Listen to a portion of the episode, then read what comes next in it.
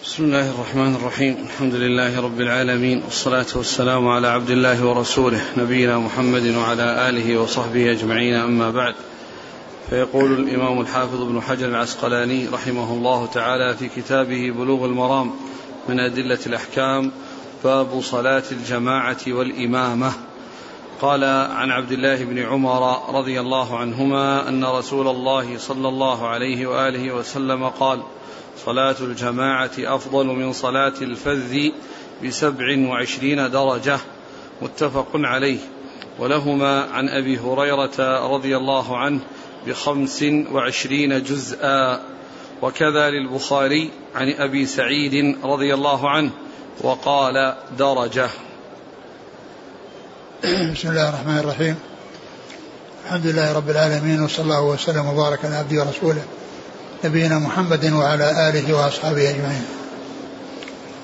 أما بعد يقول الإمام الحافظ بن حجر العسقلاني رحمه الله في كتابه بلوغ المرام باب صلاة الجماعة والإمامة. أي أحكام الأحكام المتعلقة بصلاة الجماعة والأحكام المتعلقة بالإمامة لأن صلاة الجماعة لابد فيها من إمامة. الجماعة لابد فيها من إمام فهو ذكر ما يتعلق بالصلاة في صلاة الجماعة وما يتعلق بالإمامة. وما يتعلق بالإمامة فهذا الكتاب يجمع أمرين أو هذا الباب يجمع أمرين يجمع الجماعة ويجمع الإمامة. وصلاة الجماعة يعني هي آه، من الصلوات الواجبة على الرجال دون النساء.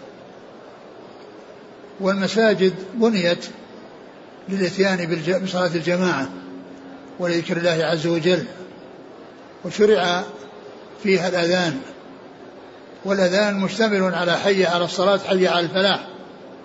يعني هلموا وأقبلوا تعالوا للصلاة.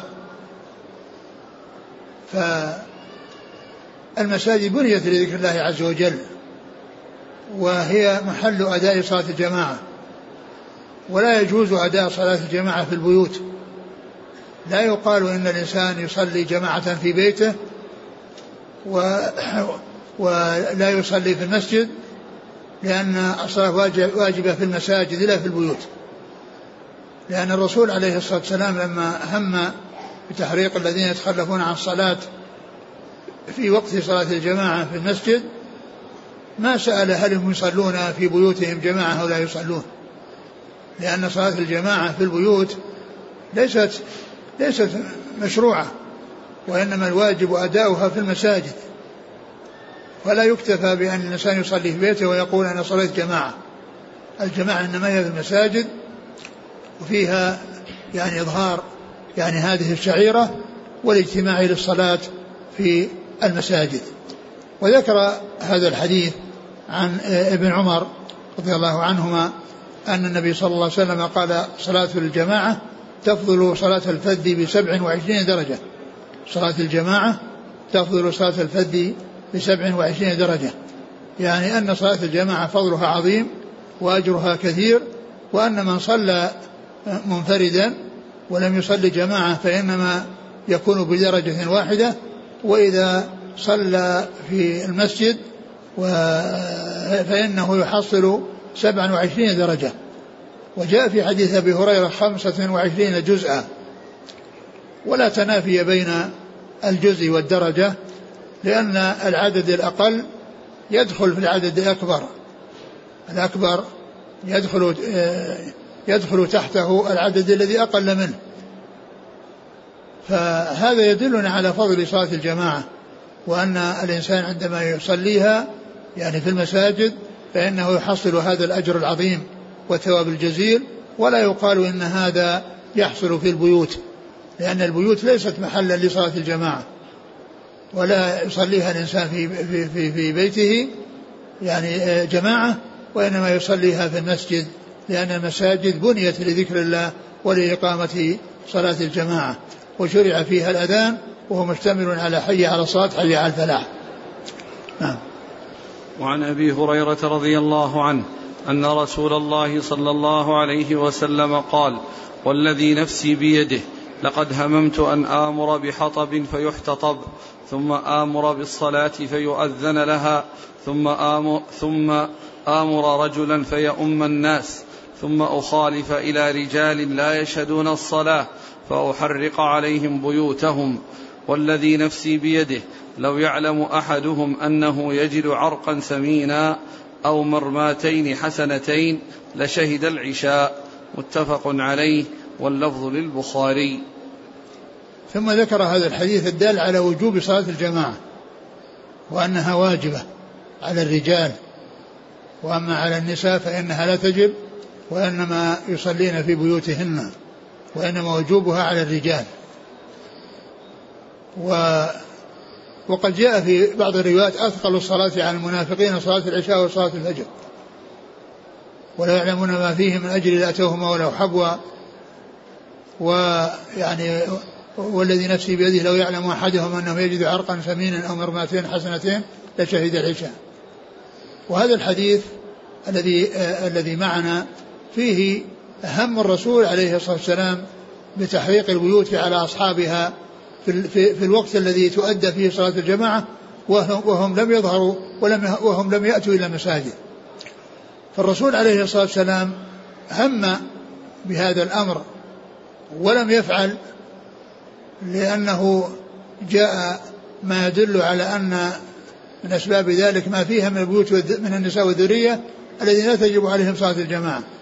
لكن مجرد كونه هم وإن لم يفعل فإن هذا يبين الخطورة ويبين أهمية صلاة الجماعة وأن شأنها عظيم وأن التخلف عنها آه، شيء خطير وأنه من من علامات النفاق وأنه من علامات النفاق. والمنافقون همهم الدنيا وليس همهم الآخرة. المنافقون همهم الدنيا وليس همهم الآخرة. ولهذا قال عليه الصلاة والسلام والذي نفسي بيده لو يعلم أحدهم أنه يجد عرقا ثمينا أو مرماتين حسنتين لشهد العشاء. يعني لو يعلم أن هناك لحم يوزع عند المسجد أو في المسجد ولو كان تافها يسيرا يعني ليس يعني كثيرا وليس سمينا فإنه يأتي من أجل أن يحصل نصيبه من الدنيا ولو كان قليلا. وأما الذي آه، وفقه الله عز وجل ولم وسلمه من النفاق فإنه يذهب إليها ليحصل الأجر العظيم حتى ولو كان ذلك حبوا. ولهذا جاء عن أصحاب الرسول عليه الصلاة والسلام كما في صحيح مسلم أن النبي عليه الصلاة والسلام قال يعني قال ابن مسعود آه، آه، قال ابن مسعود رضي الله عنه من أحب من سره أن يلقى الله غدا مؤمنا فليحافظ على هؤلاء الصلوات الخمس حيث ينادى لهن فإن الله شرع لنبيكم سنن الهدى وإنهن من سنن الهدى. ولقد رأيتنا وما يتخلف عنها إلا منافق معلوم النفاق. يعني يعني في عهد الصحابة وفي زمن الصحابة يعرفون المنافق بالتخلف عن صلاة الجماعة. ولقد رأيتنا أي معشر الصحابة وما يتخلف عنها إلا منافق معلوم النفاق. وجاء عن ابن عمر رضي الله تعالى عنهما أنه قال كنا إذا فقدنا الرجل في صلاة العشاء اتهمناه. كنا إذا فقدنا الرجل في صلاة العشاء اتهمناه. يعني اتهموه بالنفاق. اتهموه بأنه منافق. لأن علامة المنافقين التخلف عن صلاة الجماعة. علامات المنافقين التخلص التخلف عن صلاة الجماعة. والرسول عليه الصلاة والسلام في هذا الحديث قال لقد هممت أن آمر بحطب فيحطب ثم آمر رجلا فيؤم الناس ثم أخالف إلى أناس لا يشهدون الصلاة فأحرق عليهم بيوتهم في يعني في الوقت الذي كان فيه الناس يصلون الوقت الذي كان فيه الناس يصلون. فلم يحصل منه ذلك من قبل لأنهم قد يخرجون المسجد يخرجون المسجد فلم يبادر ولم يخبر بأنه سيفعل ذلك يعني قبل أن تقام الصلاة وإنما في نفس إقامة الصلاة. ولا يكون ذلك بعد لأنهم قد يكونوا صلوا ورجعوا. لكن إذا كان الناس يصلون وهم يعاقبون بهذه العقوبة في الوقت الذي الناس فيه في المساجد والصلاة قائمة والرسول عليه الصلاة والسلام أراد أن يترك يعني الإمامة في ذلك الوقت وأن يكلف غيره بالإمامة. وأن يذهب هو ومعه أناس معهم حزم من حطب ويحرقون البيوت على أصحابها في الوقت الذي هم متلبسون بالجريمة ومتلبسون بالمعصية ومتلبسون متلبسون بالتخلف عن صلاة الجماعة. لقد هممت أن آمر رجل أمر بحطب فيحطب ثم آمر رجل فيهم الناس ثم أخالف إلى رجال لا يشهدون الصلاة وأحرق عليهم بيوتهم بالنار. والذي نفسي بيده لو يعلم أحدهم أنه يجد عرقا سمينا أو مرماتين حسنتين لشهد العشاء.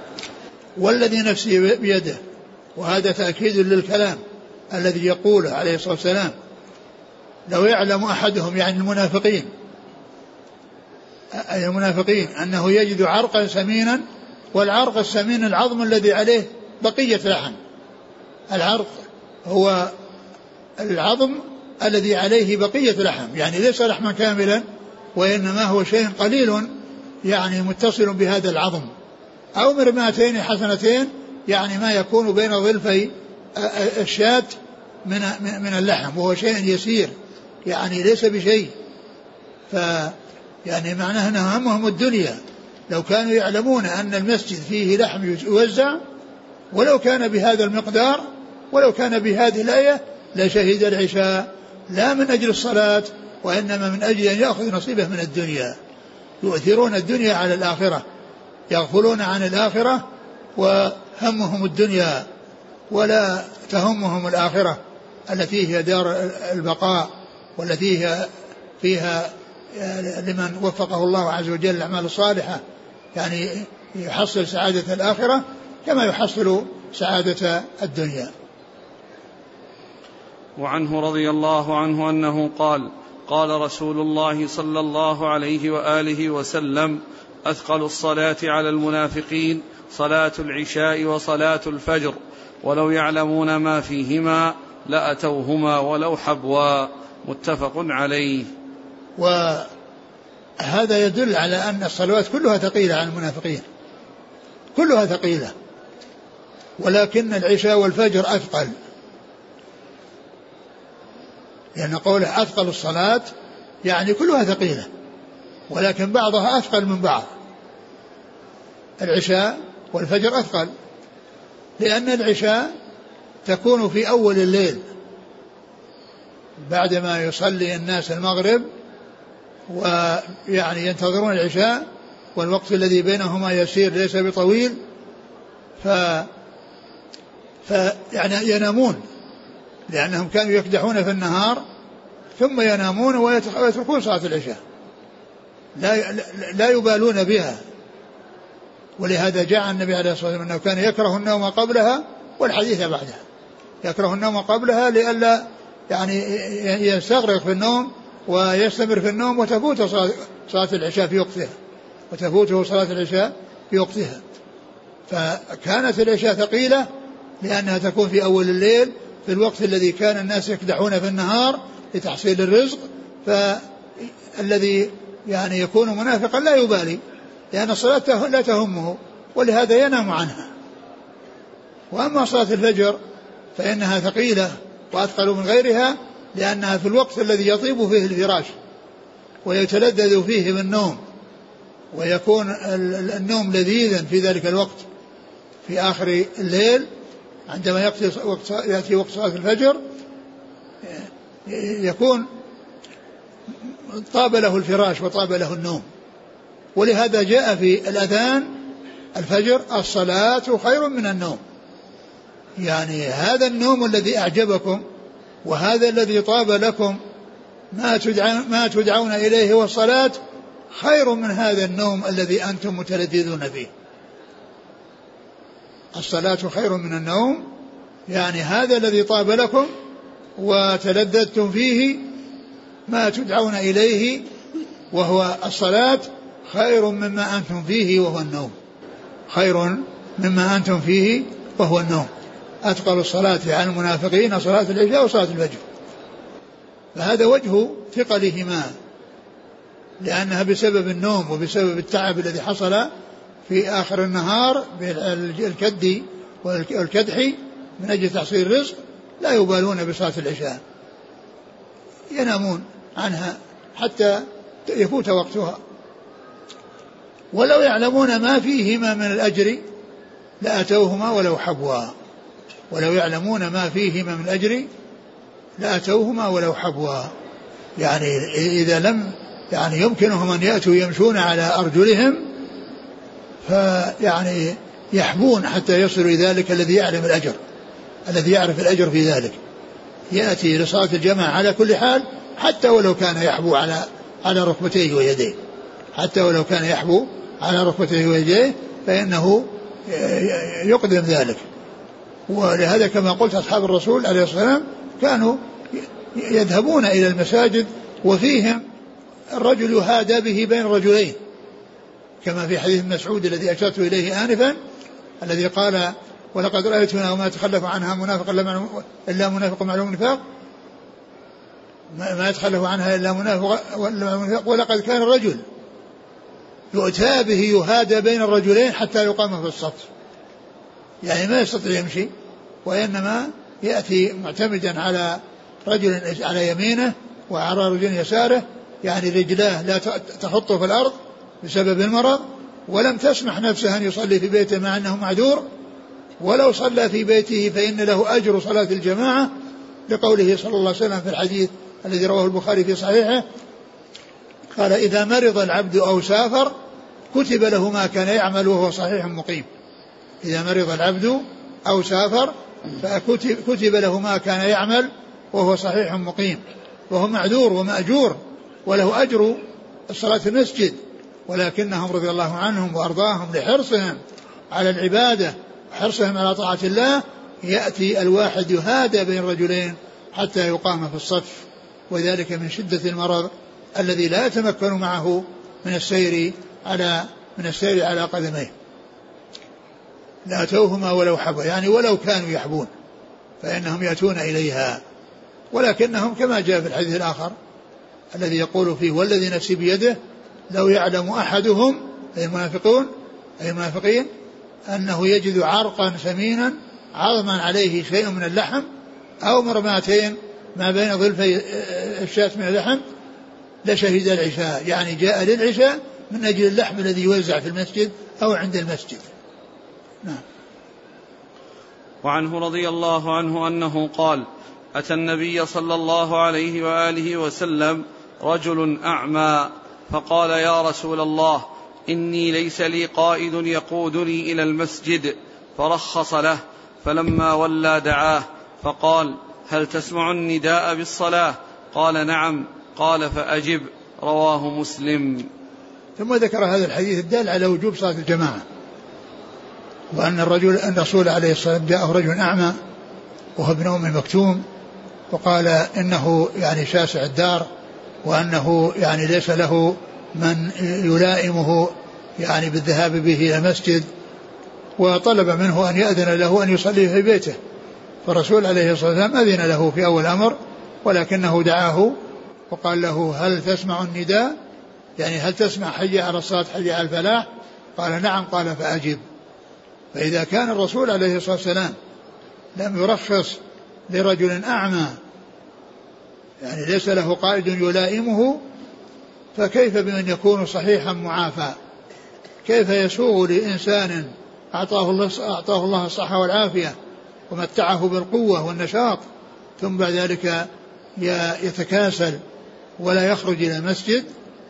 هذا يدلنا على وجوب صلاة الجماعة لأن لأنه إذا كان المعذور يعني لم يرخص له فكيف يكون بمن أعطاه الله الصحة والعافية؟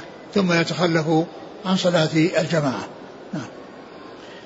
وعن ابن عباس رضي الله عنهما عن النبي صلى الله عليه وآله وسلم أنه قال من سمع النداء فلم يات فلا صلاة له إلا من عذر رواه ابن ماجه والدار قطني وابن حبان والحاكم وإسناده على شرط مسلم لكن رجح بعضهم وقفه. ثم ذكر هذا الحديث عن ابن عباس النبي صلى الله عليه وسلم قال من سمع النداء فلم يجب فلا صلاة له إلا من عذر. وهذا يدلنا على وجوب صلاة الجماعة وعلى أن الأمر خطير وأنه ليس بالهين. وهذا فيه يعني بيان واضح لوجوبها وتحتمها. وأن ما وأن من لم يجب لا صلاة له. وإنما الصلاة له إذا كان معذورا. و فهذا فيه تأكيد وجوب صلاة الجماعة وأن ذلك من أهم المهمات وأنه لا يجوز أن يتهاون في ذلك ولا أن يتساهل في ذلك. نعم.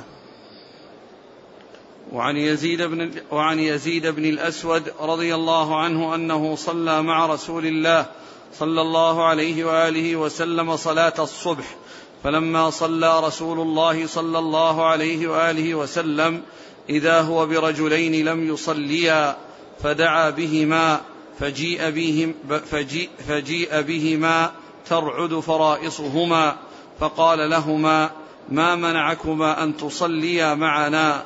قال قد صلينا في رحالنا. قال فلا تفعلا. إذا صليتما في رحالكما ثم أدركتما الإمام ولم يصلي فصليا معه فإنها لكما نافلة. رواه أحمد واللفظ له والثلاثة وصححه الترمذي وابن حبان. ثم ذكر هذا الحديث ذكر هذا الحديث الذي فيه أن رجلين آه، دخل المسجد وكانت الصلاة في مسجد الخيف في الحج.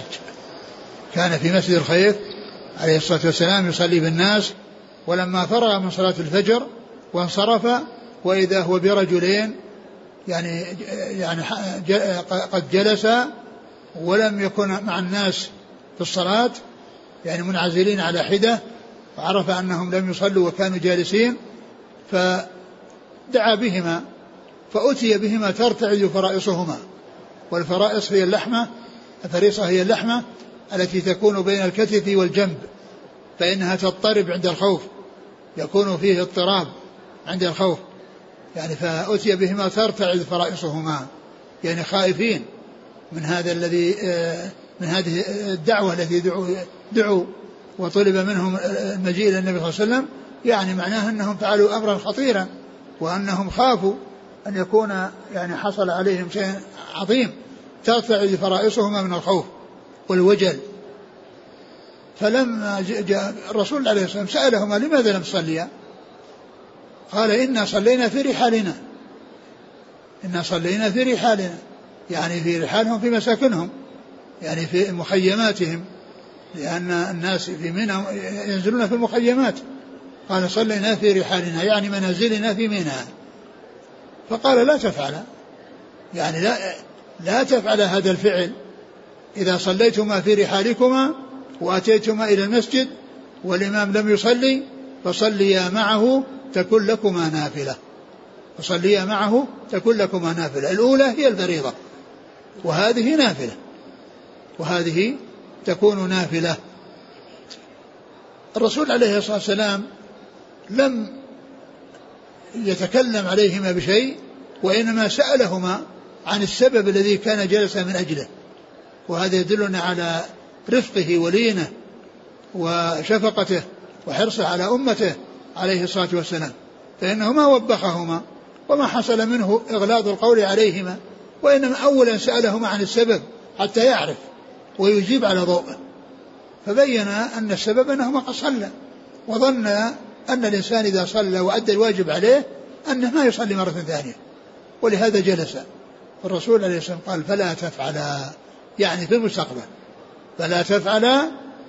إذا صليتما في رحالكما وأتيتما والإمام لم يصلي فصليا معه تكن لكما نافلة. وهذا يدلنا على صحة صلاة المتنفل خلف المفترض لأنهم فرضهم كان في الرحال. وهذه نافلة كما قال الرسول عليه الصلاة والسلام قال تكن لكم نافلة.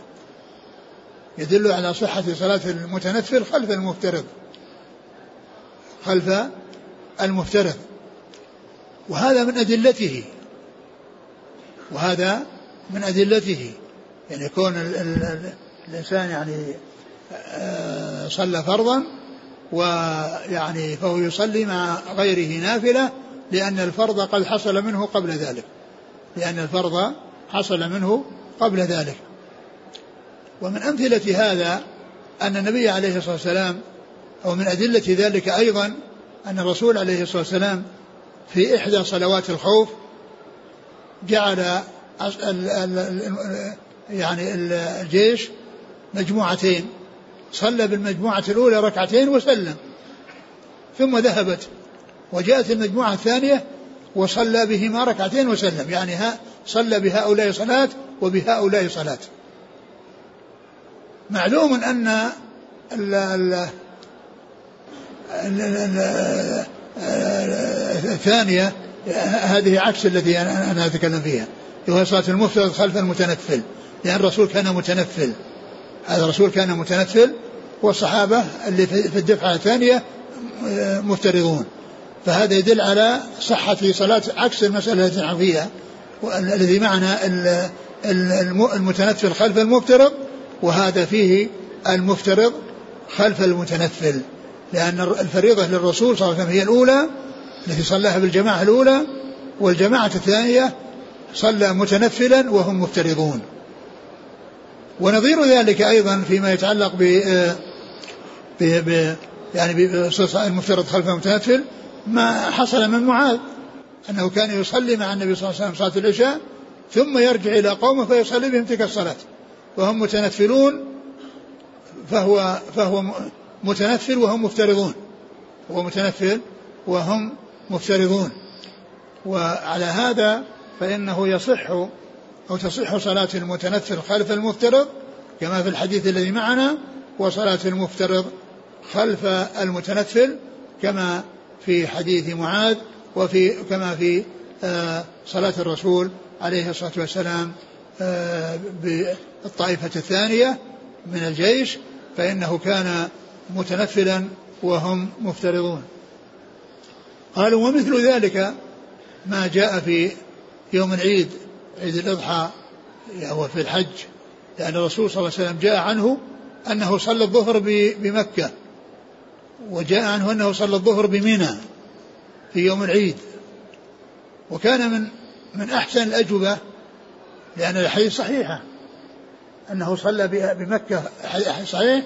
وأنه صلى بمنى يوم العيد صحيح. فمن أحسن ما وفق بينهما بأن قيل إن الرسول صلى جاء وقت الظهر وصلى بأهل مكة في أول وقت ثم ذهب إلى منى والناس ينتظرونه عليه الصلاة والسلام فلما وصل وإذا هم لم يصلوا وصلى بهم. هو متنفل وهم مفترضون. هو متنفل وهم مفترضون. أعد الحديث. وعن يزيد بن الأسود رضي الله عنه أنه صلى مع رسول الله صلى الله عليه وسلم صلاة الصبح فلما صلى رسول الله صلى وهذا الله عليه وهذا قول صلاة الصبح يدل على أن أن من صلى يعني آه يعني آه بعد صلاة الصبح يعني آه في صلاة في صلاة جماعة في صلاة جماعة لأن من صلى صلاة جماعة أن ذلك جائز. التنفل بعد الفجر لا يجوز لا صلاة بعد الفجر حتى تطلع الشمس. لكن إذا كان يعني صلى يعني مع جماعة يعني فإن فإن صلاته هي الأولى والصلاة الثانية هي نفل وكانت في وقت النهي. فدل هذا على أن الرسول عليه الصلاة والسلام لما يعني طلب منهما أن يصليا مع الجماعة الذين جاءوا وهم يصلون الفجر وهم متنفلون وأولئك مفترضون. دل هذا على أن آه، مثل هذه الصلاة جائزة في وقت النهي.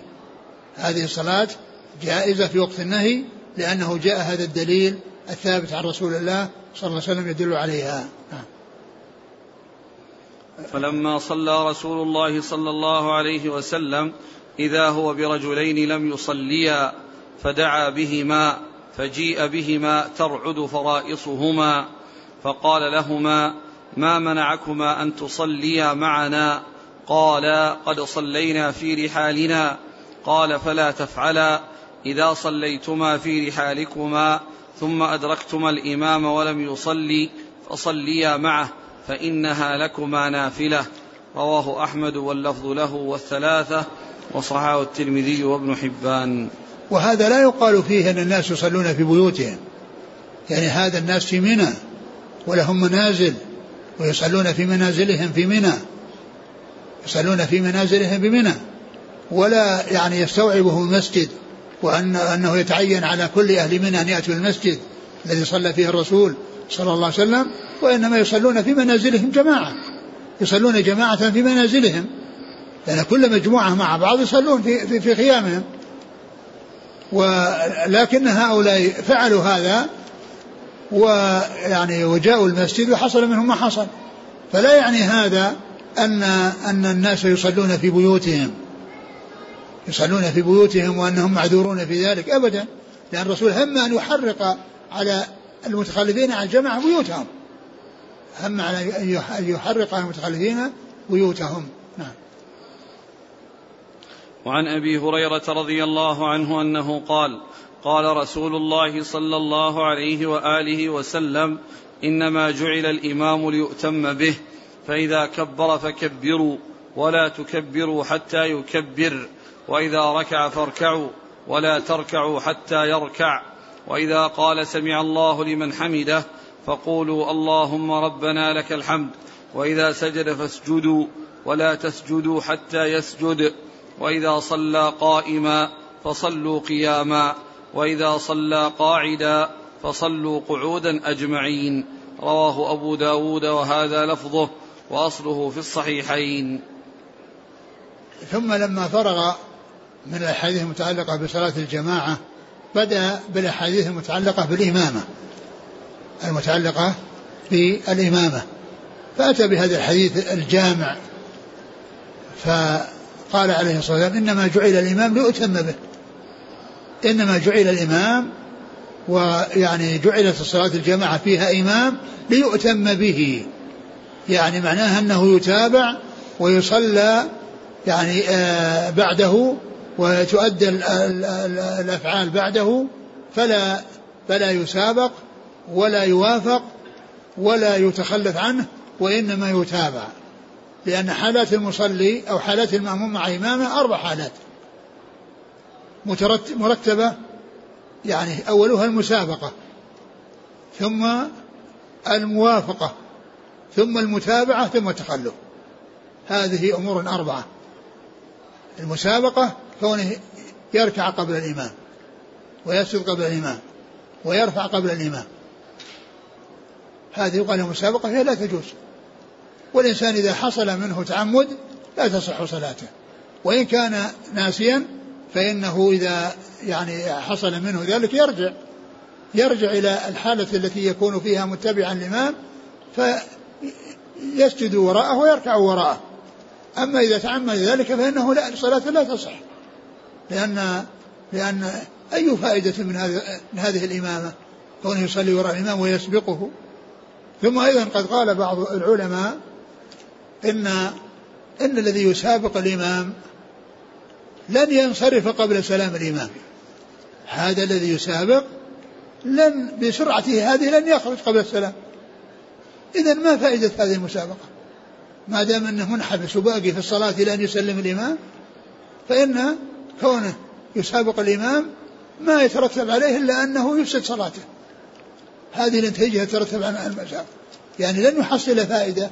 لأنه سيبقى حتى يسلم الإمام. يعني يبقى مع الناس حتى يسلم الإمام. فالأحوال المصلي الأربع المسابقة لا تجوز. وأما الموافقة وهي كونه معه لا يسبق لا يتقدم ولا يتأخر. موافق الإمام في أفعاله. الأول مسابقة وهذه موافقة تليها وهذه مكروهة عند العلماء وتصح الصلاة معها ولكن لا يجوز الإنسان أن يفعلها. إلا تكبيرة الإحرام فإنه لا بد أن تحصل أولا من الإمام ثم تحصل من المأموم. لا بد أن تحصل من الإمام ثم تحصل من المأموم. والمتابعة هي أنه يصلي وراءه. إذا انتهى من من من من, من, من, من ركن تابعه عليه. ولهذا قال عليه وسلم فإذا كبر فكبروا. يعني بقوله فكبروا يعني مباشرة. بعد بعد انقطاع صوته. إذا كبر فكبروا وإذا ركع فاركعوا وإذا قال سمع الله فيقول ربنا ولك الحمد.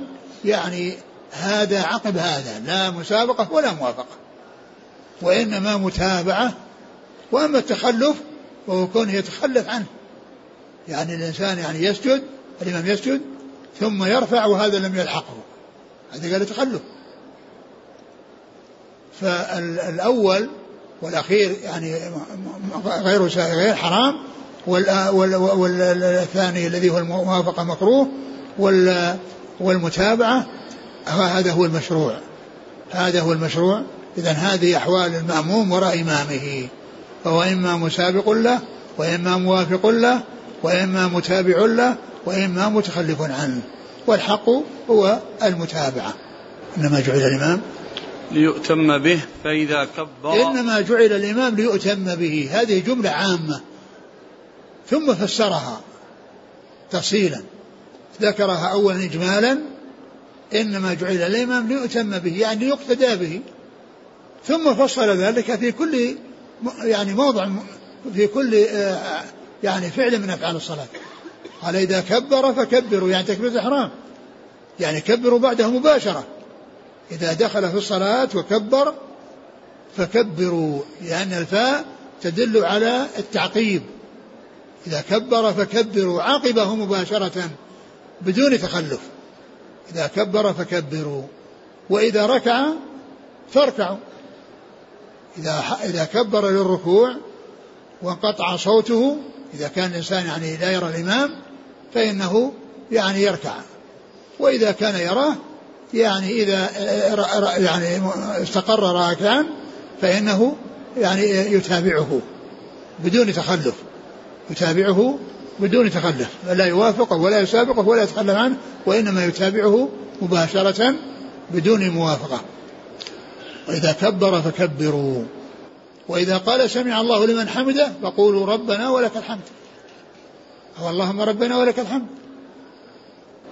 وهذا يدلنا على أن أن أن, أن المأموم لا يقول سمع الله لمن حمده وإنما يقول ربنا ولك الحمد. لأن الرسول صلى الله عليه وسلم ما قال وإذا قال سمع الله لمن حمده فقولوا سمع الله لمن حمده. وإنما قال إذا قال سمع الله لمن حمده فقولوا ربنا ولك الحمد. فالإمام والمنفرد كل منهما يأتي بالتسميع والتحميد. وأما المأموم فيأتي بالتحميد دون التسميع. يأتي بالتحميد دون التسبيح التسميع. فالإمام يحصل منه هذا وهذا. وقد اختلف أهل العلم منهم من قال يجمع المأموم التحميد مع التسميع ويقولون أن أن هذا يدخل تحت قوله صلى الله عليه وسلم صلوا كما رأيتموني يصلي وهو يقول سمع الله لمن حمده إذا هم يقولون سمع الله لمن حمده. يعني هذا الحديث العام. قالوا إن أنه إذا قال سمع الله لمن حمده فيقول سمع الله لمن حمده. لأنه إذا رأيت صلوا كما رأيتم يصلي وهو رآه يقول سمع الله لمن حمده إذا يقول هم سمع الله لمن حمده. وبعض أهل العلم قال إنه المأموم ليس له ليس عليه إلا التحميد ولا ولا ولا يأتي بالتسميع. هذا الدليل هذا الحديث لأنه قال وإذا قال سمع الله لمن فقولوا ربنا ولك الحمد. ما قال فقولوا سمع الله لمن حمده؟ قال فقولوا ربنا ولك الحمد. فإذا لا يقولون سمع الله حمده وهم مأمومون لأن الرسول أرشدهم إلى أن عليهم بعدما يسمعون الإمام يقول سمع حمده أن يقولوا ربنا ولك الحمد. ولو كان ذلك مطلوبا منهم لقال وإذا قال سمع الله حمده فقولوا سمع الله لمن حمده. فقولوا سمع الله لمن حمده. فهذا يدل على يعني على هذا هو الحديث الذي يدل على أن المأموم يحمد ولا يسمع. إذا قال فقولوا. وأما الذين قالوا بالجمع بينهما أخذوا بعموم قوله صلوا كما رأيتون يصلي. وهو يقول سمع الله من حمده إذا هو يقول سمع ولا شك أن القول الراجح هو هذا الثاني الذي فيه أنهم يحمد يحمدون ولا يسمعون. ومثل ذلك ومثل ذلك قوله صلى الله عليه وسلم في الأذان إذا سمعتم النداء فقولوا مثل ما يقول المؤذن. وهذا لفظ عام. لكن جاء أن حي على الصلاة وحي على الفلاح لا لا تقال كما يقوله المؤذن وإنما يقال بدلها آه، آه، لا حول ولا قوة إلا بالله. لا حول ولا قوة إلا بالله. فإذا هذا حديث عام وأخرج منه حي على الصلاة حي على الفلاح لا يقول مثل ما يقول الإمام. وهذا أيضا كذلك. صلوا كما رأيتم يصلي يخرج منها من هذا العموم أن المأموم لا يقول سمع الله لمن حمده لأن الرسول في هذا الحديث الذي معنا قال وإذا قال سمع الله لمن حمده فقولوا ربنا ولك الحمد. فهذا مثل ما جاء في إذا قال لا حول ولا قوة إلا إذا قال حي على الصلاة فقولوا لا حول ولا قوة إلا بالله. فإذا هذا مخصص لذاك. هذا مخصص لذاك وهذا مخصص لهذا. يعني في الأذان حي على الصلاة الحديث الذي فيه التفصيل وأن الإنسان يقول عند حي على الصلاة فلا لا حول ولا قوة إلا بالله مخصص للحديث العام الذي يقول إذا سمعتم النداء فقولوا مثل ما يقول المؤذن. إذا فقولوا ربنا ولك الحمد مخصص لقوله سمع الله لقوله صلوا كما رأيتم نصلي. نعم. وإذا قال سمع الله لمن حمده فقولوا اللهم ربنا لك الحمد. وإذا سجد فاسجدوا ولا تسجدوا حتى يسجد. وإذا سجد فاسجدوا. ولا تسجدوا حتى يسجد. هذا تأكيد. لأن نقول إذا سجد فاسجدوا ولا تسجدوا حتى يسجد هذا تأكيد لهذه الجملة. هي بمعناها وإنما جاءت للتأكيد. يعني معناها أنه إذا سجد واستقر في السجود يتبعه الإمام المأموم وإذا كان لا يراه فإنه إذا انقطع صوته بقوله الله أكبر يعني آه، هاوية للسجود يقول يسجد بعدها.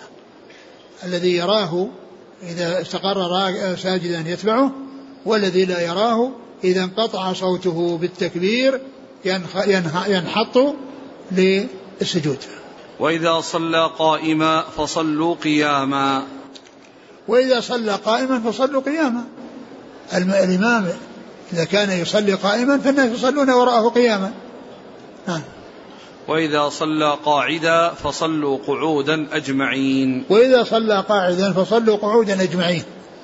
يعني هذا يعني إذا كان ال ال ال الناس بدأوا الصلاة والإمام يعني آه، لا يقدر على القيام فإنه يصلي جالسا وهم يصلون وراءه جلوسا. الدليل على ذلك هذا الحديث والحديث الثاني أنه لما جحش يعني أن آه، سقط من فرس فجحش يعني جنبه وفكت رجله وكان لا يستطيع أن يقوم صلى الله عليه وسلم فإنه صلى وصف الناس وراءه وصاروا قياما فأومى إليهم أن اجلسوا فجلسوا. وبعد ذلك قال الحديث جاء الحديث وإذا صلى جالسا فصلوا جلوسا لأنهم يتابعونه يتابعونه. وبعض أهل العلم قال أن الناس يصلون قياما وراء الإمام العاجز.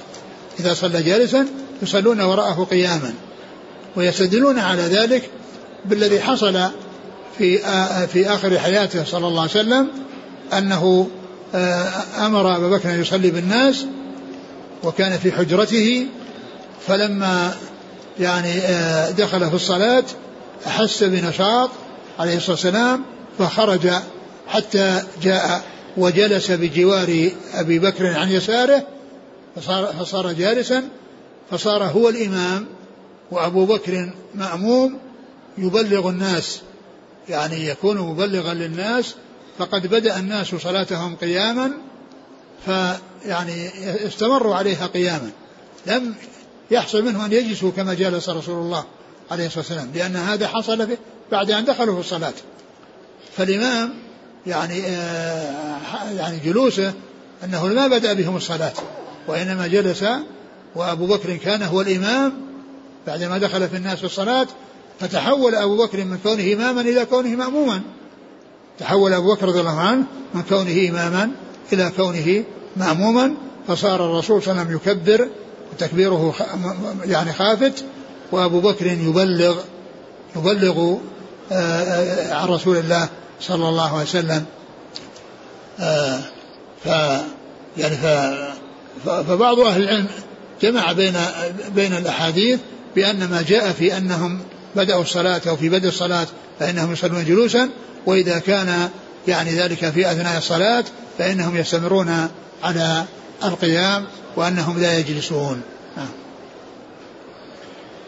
وعن أبي سعيد الخدري رضي الله عنه أن رسول الله صلى الله عليه وآله وسلم رأى في أصحابه تأخرا فقال تقدموا فأتموا بي وليأتم بكم من بعدكم. رواه مسلم. ثم ذكر هذا الحديث وهو أن النبي صلى الله عليه وسلم رأى في أصحابه تأخرا يعني في الصفوف فقال تقدموا فأتموا بي وليأتم بكم من بعدكم. جاء في آخره ولا يزال قوم يتأخرون حتى يؤخرهم الله في النار. فهذا يدل على تسوية الصفوف وعلى تتابعها وعلى أن لا يكون هناك يعني صفوف متقطعة بل آه، أول شيء يمتلئ الصف الأول فإذا امتلأ بدأ بالصف الثاني وإذا امتلأ الثاني انتقل إلى الصف الثالث حتى يمتلئ وهكذا. فلا يصلي الناس في الصف الأو... الصف الثاني والصف الأول يعني لم يكتمل وإنما عليهم أن يكملوه والصلاة صحيحة. لو حصل أن أن أن فيه فجوة يعني في الصف الأول والناس يعني آه يعني ما, ما, ما كملوها فصلاتهم صحيحة ولكنهم يأثمون لعدم صف آه يعني لعدم إتمام الصفوف وتسوية الصفوف. قال تقدموا فأتموا بي وليأتم بكم من بعدكم. الصف الأول يبتدي يأتي بعد الأول الأول يقتدي بالثاني. وهكذا الذي بعده كل صف يعني يكون يعني تابع الذي قبله ولا ينشأ صف إلا إذا امتلأ الصف الذي قبله. وهذا يدلنا على يعني تسوية الصفوف وعلى عدم التفرق فيها وأن الصفوف تكون متوالية وتكون متتابعة ولا يكون اترك فيها فرج بل آه، تكون يعني الصف كله ممتلئا وهكذا جميع الصفوف. تقدموا فأتموا بي وليأتم بكم من بعدكم ولا يزال قوم يتأخرون حتى يؤخرهم الله في النار. نعم. أحسن الله إليك. يعني قوله رأى في أصحابه تأخرا. تأخرا في الزمان ولا في المكان؟ لا لا كان في المكان. كان في المكان قال تقدموا. نعم. وعن زيد بن ثابت رضي الله عنه أنه قال احتجر رسول الله صلى الله عليه وسلم حجرة مخصفة فصلى فيها فتتبع إليه رجال وجاءوا يصلون بصلاته الحديث وفيه أفضل صلاة المرء في بيته إلا المكتوبة متفق عليه. وهذا الحديث يتعلق بكونه يصلي في بيته صلاة الليل وأنه يعني وكان ذلك في رمضان احتجر حجرة أو حجرة يعني مخصفة يعني عمل يعني شيء محجوز بحصير من الخوص فكان يصلي فيه. فجاء الناس وصلوا بصلاته وهذا يدل على أن على أنه لا يلزم أن يكون أن الإمام نوى أن يكون إماما وأن لم ينوي أن يكون إماما ثم جاء الناس وصلوا وراءه. يعني أنه ليس بلازم أن يكون نوى الإمامة بل إذا دخل في الصلاة وجاء أحد وصلى بجواره إذا كان واحدا أو مجموعة صاروا وراءه فلهم ذلك. يعني ف يعني ولا يلزم ذلك أن يكون قد نوى أن يكون إماما عندما دخل في الصلاة. لأن هذا شيء طرأ وهو ما دخل على أنه إمام وإنما دخل على أنه منفرد فصار إماما في أثناء الصلاة حيث جاء ناس وأتموا به. فالرسول صلى الله عليه وسلم صلى في هذا المكان المحجوز والناس صلوا وراءه. ثم إنهم تتابعوا في اليوم الثاني وهكذا فكثر الناس. ثم إن الرسول صلى الله عليه وسلم لم يخرج. اجتمعوا حتى غص المسجد فبقوا في فبقي في حجرته وطرقوا عليه الباب ولم يخرج عليه الصلاة والسلام. وإنما فعل هذا عليه الصلاة والسلام خشي أن يفرض قيام الليل يعني يعني قيام رمضان يفرض على الناس.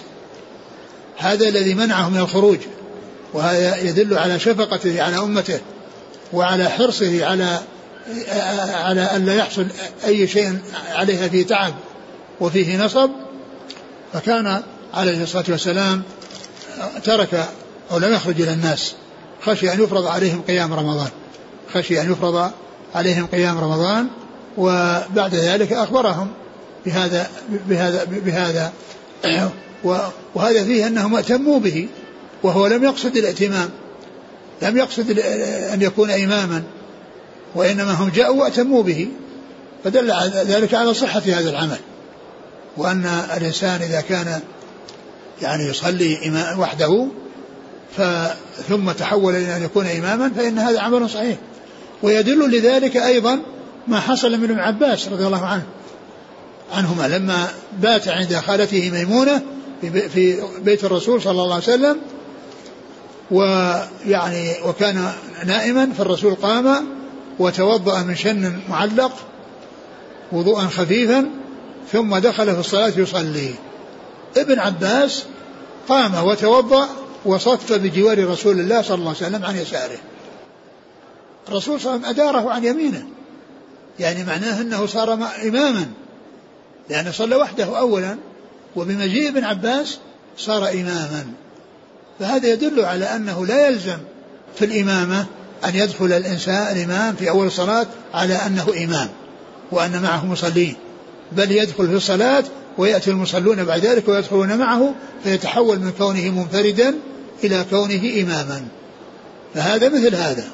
هذا الذي حصل لابن عباس في بيت خالته ميمونة مثل الذي حصل في الحجرة أو المكان الذي احتجزه الرسول صلى الله عليه وسلم وصار يصلي فيه في المسجد خارج حجرته عليه الصلاة والسلام يعني فهذا يدل على أن الإمامة ليس من شرطها أن يدخل الإنسان وهو إمام بل يمكن أن يتحول في من كونه يعني يتحول من كونه منفردا إلى كونه مأموما بكونه إماما نعم. وعن جابر رضي الله عنه أنه قال صلى معاذ رضي الله عنه بأصحابه العشاء فطول عليهم. فقال النبي صلى الله عليه وآله وسلم أتريد أن تكون يا معاذ فتانا؟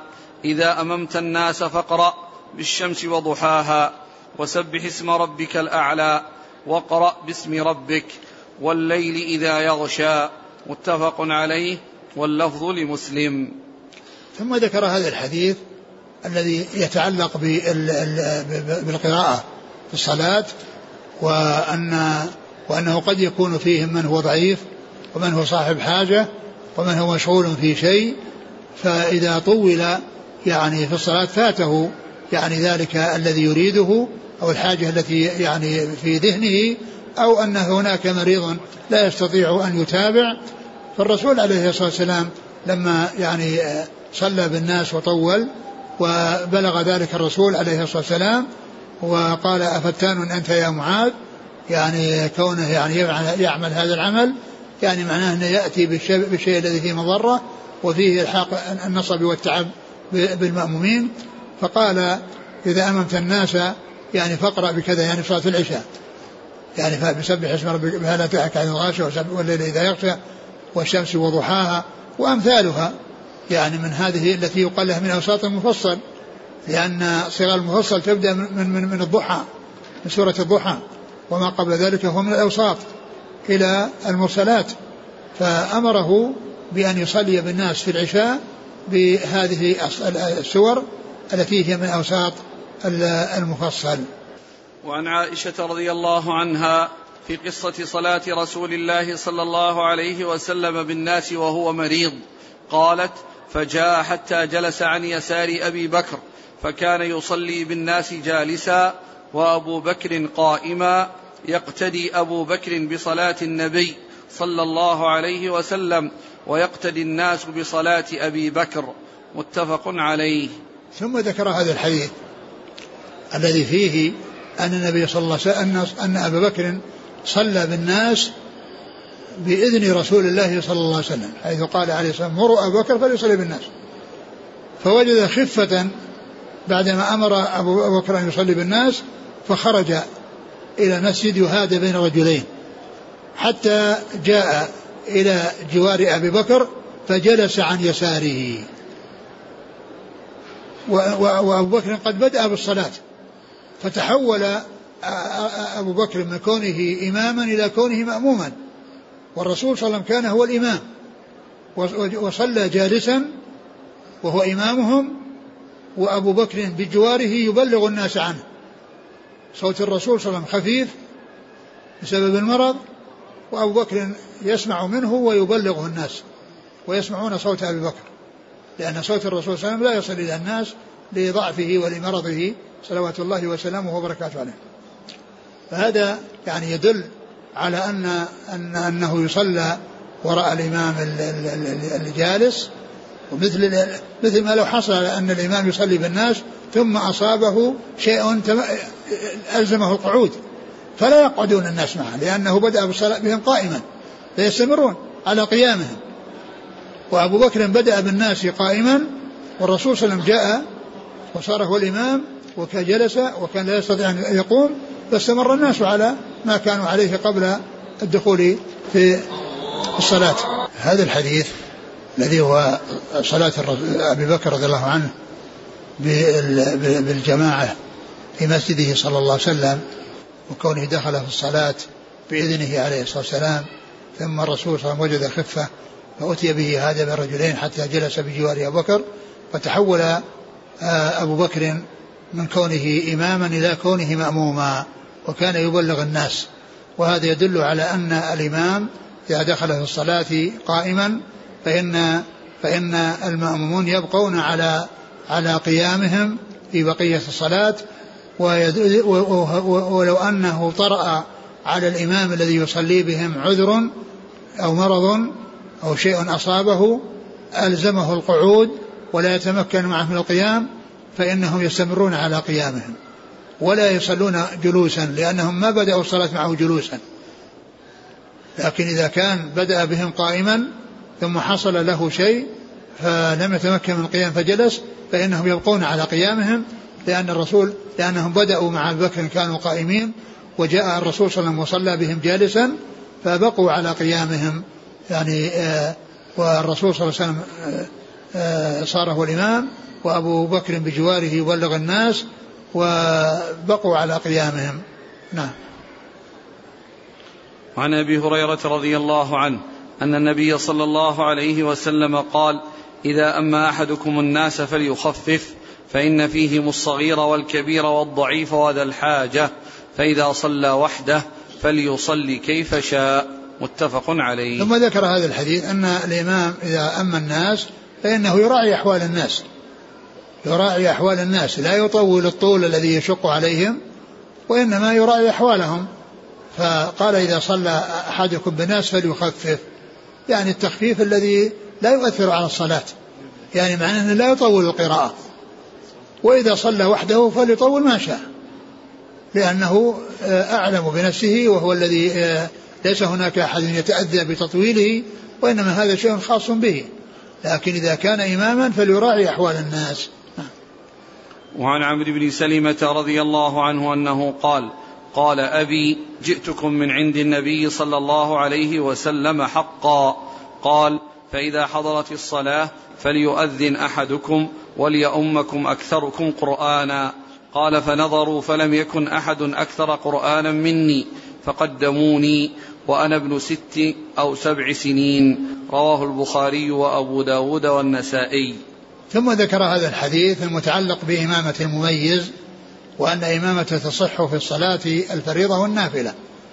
لأن لأن عمرو بن سلمة رضي الله عنه آه، لما جاء أبوه من عند النبي صلى الله عليه وسلم وقال جئتكم من عند رسول الله حقا قال إذا حضر الصلاة فليأمكم أكثركم قرآنا. فنظروا فوجدوا عمرو بن سلمة هو أكثرهم قرآنا فقدموه للصلاة.